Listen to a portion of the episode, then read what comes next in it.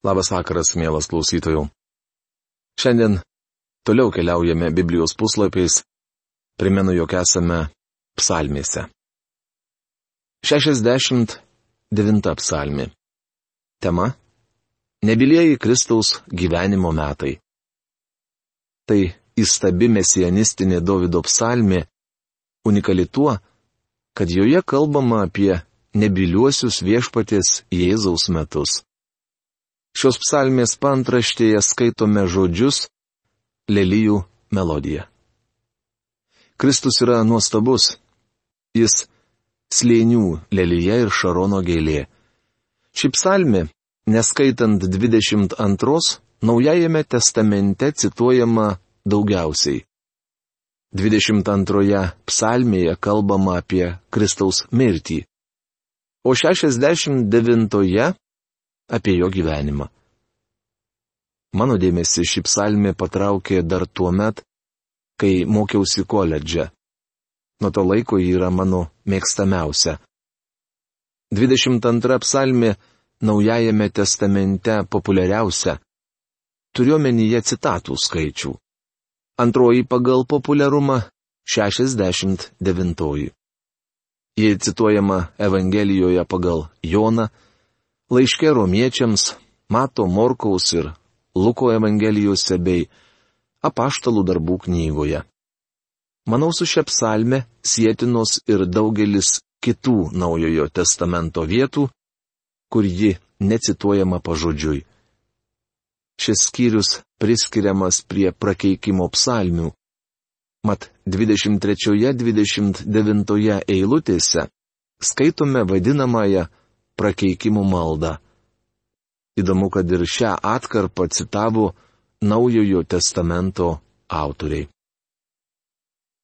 Šioje psalmėje mums pasakojama apie nebiliuosius Kristaus vaikystės ir ankstyvosios jaunystės metus, kuriuos beveik visiškai praleidžia Evangelijus. Daktaras Lukas paminėjo vieną mūsų viešpaties gyvenimo įvykį, kai jam buvo 12 metų. Apie vėlesnį Jėzaus gyvenimo laikotarpį, maždaug iki 30 metų, Evangelijose nerašoma nieko. O kas gyvyko tuo metu? Šioje psalmėje paminimos kelios detalės. Matome kelias sunkes Jėzaus dienas, praleistas Nazarete ir tamsos valandas ant kryžiaus vadinamojoje prakeikimo maldoje iššaukėsi teisingumu. Taip salmė apie Kristaus pažeminimą ir atmetimą. Pradžioje matome jį Nazarete. Girdime raudą, sklindančią iš mažo berniuko, paauglio, jaunuolio širdies. Gelbėk mane Dieve, nes vandenys siekia man kaklą. 69 psalmės antra eilutė. Pažvelkite jo kančias. Kristus siaubingai kentėjo ant kryžiaus, tačiau manau jis patyrė beveik nepakeliamų kančių ir vaikščiodamas šią žemę. Esu tikras, kad daugelis iš mūsų būtume neištvėrę to, ką teko ištverti Jėzui per savo gyvenimą bet atpirktieji nežinojo niekada, koks gilis buvo vandenų, kuriuos reikėjo brist, kokia tiršta buvo tamsa, apgaubus viešpatį, kol jis surado avį pasiklydusią savam keli. 99. Parašė Elizabeta Klefanė. Kabėdamas ant kryžiaus, paskutinės tris valandas mūsų viešpats tapo Dievo avinėliu, naikinančiu pasaulio nuodėmę. Tuomet jis dėl mūsų buvo paverstas nuodėmė. Nors Kristus daug prisikentėjo per savo gyvenimą, kai pamatysime, tie kentėjimai neturi mums gelbstinčios vertės. Jis savanoriškai prisėmė pažeminimą ir apribojo save, tapdama žmogumi. Mes trokštame žinoti daugiau, negu žinome dabar. praplėsti savo žinias ir supratimą. Tuo tarpu viešpats Jėzus, tapdama žmogumi, apsiribojo ir nusižemino. Tokioje būsenoje jis šaukia, klimpstu į dumbliną gelmę, nėra kur koja pasiremti. Patekau į gilius vandenis ir bangos mane skandina. 69 psalmės 3 eilutė. Čia kalbama apie kentėjimų bangas užplūdusias mūsų viešpatį, jam vos gimus tvarte, kuris tikriausiai buvo užeigos dalis. Tvartas buvo geresnė vieta gimimui negu pati užeiga, mat užeigoje lėbuvo gašliminė, o tvarte, kas įvyko tą naktį, te matė karvės, jaučiai ir avys. Tačiau tvarte prasidėjo žemiškojo Jėzaus gyvenimo kančios. Dabar persikeliame į Nazaretą, kur Jėzus augo. Mums sakoma, pavargau besišaukdamas pagalbos, išdžiūvo man gerklė, akis pražiūrėjau, belaukdamas tavo pagalbos. 69 psalmės ketvirta eilutė. Per tuos 30 metų Jėzaus akys nekarta buvo paraudusios nuo ašarų. Kitoje eilutėje paaiškinama kodėl. Daugiau negu plaukų man ant galvos yra žmonių, kurie nekenčia manęs be priežasties. Mano priešai juodina mane melais, Jie stiprus ir nori mane užmušti. Argi turiu gražinti, ko nesu pavogęs? 69 psalmės 5 eilutė.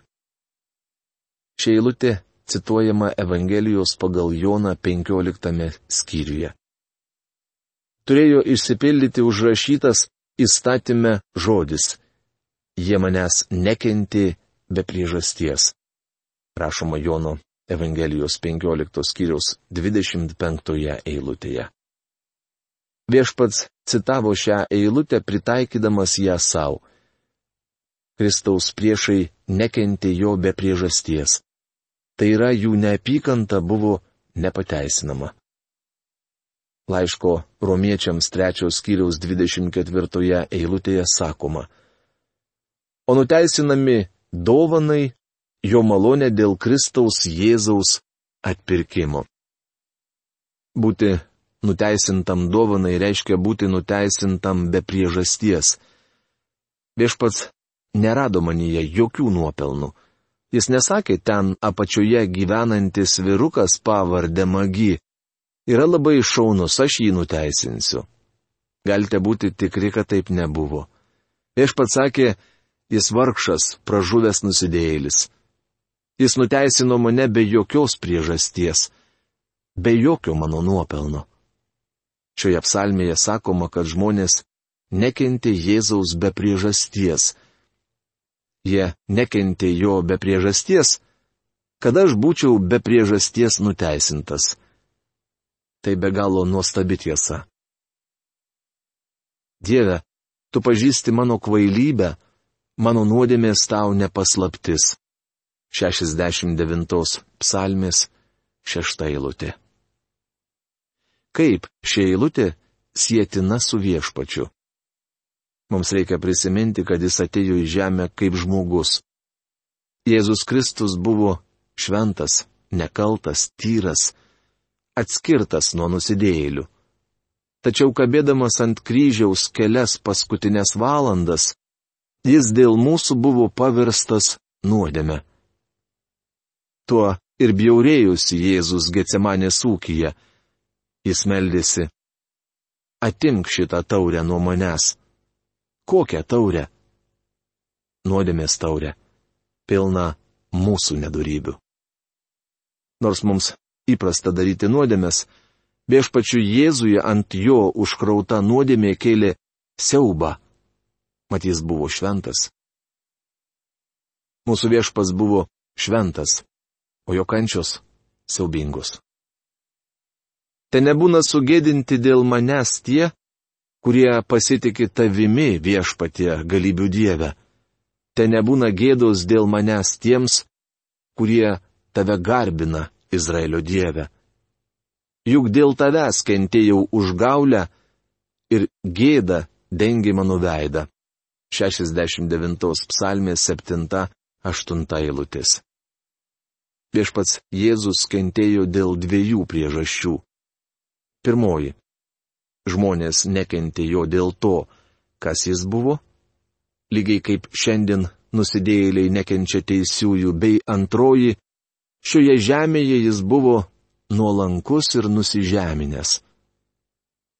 Tapau benamis tarp savo giminių, svetimas savo motinos vaikams. 69 psalmės 9 eilutė.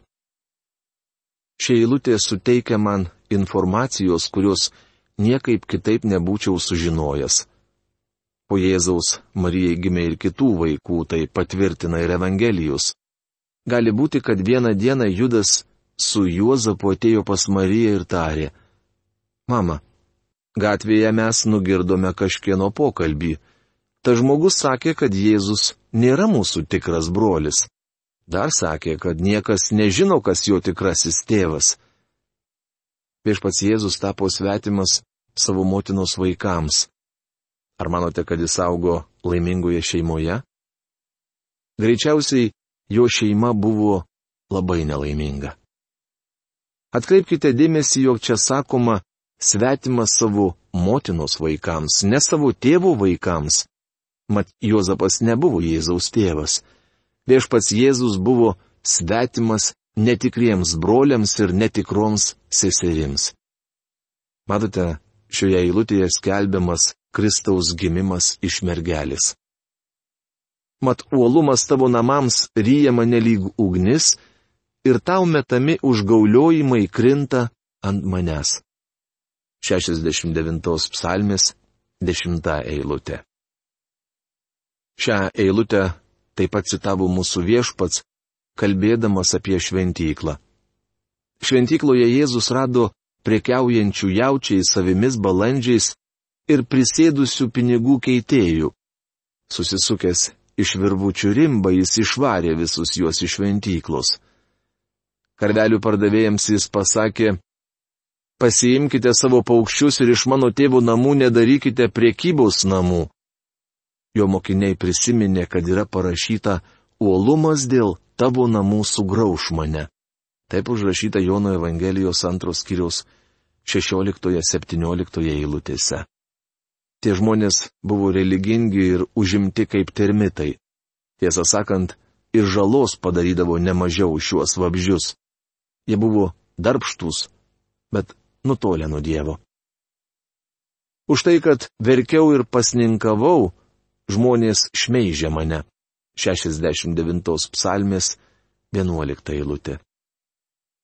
Broliai šaipydavosi iš Jėzaus, kai jis pasninkaudavo ar verkdavo sakydami, kad jis tik nori pasipuikuoti. Kad padariau ašutinę savo drabužiu, jie juokėsi iš manęs. 69 psalmės 12 eilutė. Kaip jie šaipėsi iš Jėzaus? Sklido gandas, kad jis nesantokinis vaikas. Patys žinote, kaip toks vadinama šiandien. Bartuose žmonės skleidžia apie mane paskalas. Smuklės lankytojai tyčiojasi iš manęs dainomis. 69 psalmės 13 eilutė. Vartuose sėdėdavo aukšti miesto pareigūnai teisėjai. Matote, geriausi Nazareto žmonės taip pat skleidė paskalas apie Jėzų. Mažo Nazareto miestelio gyventojai nepriėmė viešpaties Jėzaus, nes netikėjo jį esant Dievo sūnų. Smuklės lankytojai tyčiojasi iš manęs dainomis, arba kaip verčia kostas burbulys, ir geriantys vyną dainuoja apie mane. Vietinės smuklės girtuokliai kūrė apie Jėzų ir jo motiną bjaurias daineles. Toks buvo Jėzaus gyvenimas Nazarete. Jis anaip tol nebuvo mielas. Ar žinote, kodėl Jėzus visą tai kentė? Jis užaugo mieste, kur visi vadino jį nesantuokiniu vaiku, kad aš galėčiau būti teisėtas Dievo vaikas. Niekas danguje nepasakys Vernonui magi, kad jis ne Dievo vaikas. Žinote kodėl? Todėl, kad Dievo sūnus iškentėjo siaubą, skausmą ir gėdą dėl manęs. Jis prisėmė bausmę už mano nuodėmes. Bičiuli, jūs net neįsivaizduojate, ką Jėzui teko iškesti per tuos 30 metų, kad jūs galėtumėte pagrystai vadintis Dievo vaiku. O aš melžiuosi tau viešpatie. Malonės metu Dieve išklausyk manęs, paisydamas savo didžio gerumo. Savo ištikima pagalba trauk mane iš liūno. 69 psalmės 14 eilutė. Ši eilutė cituojama antrame laiške korintiečiams.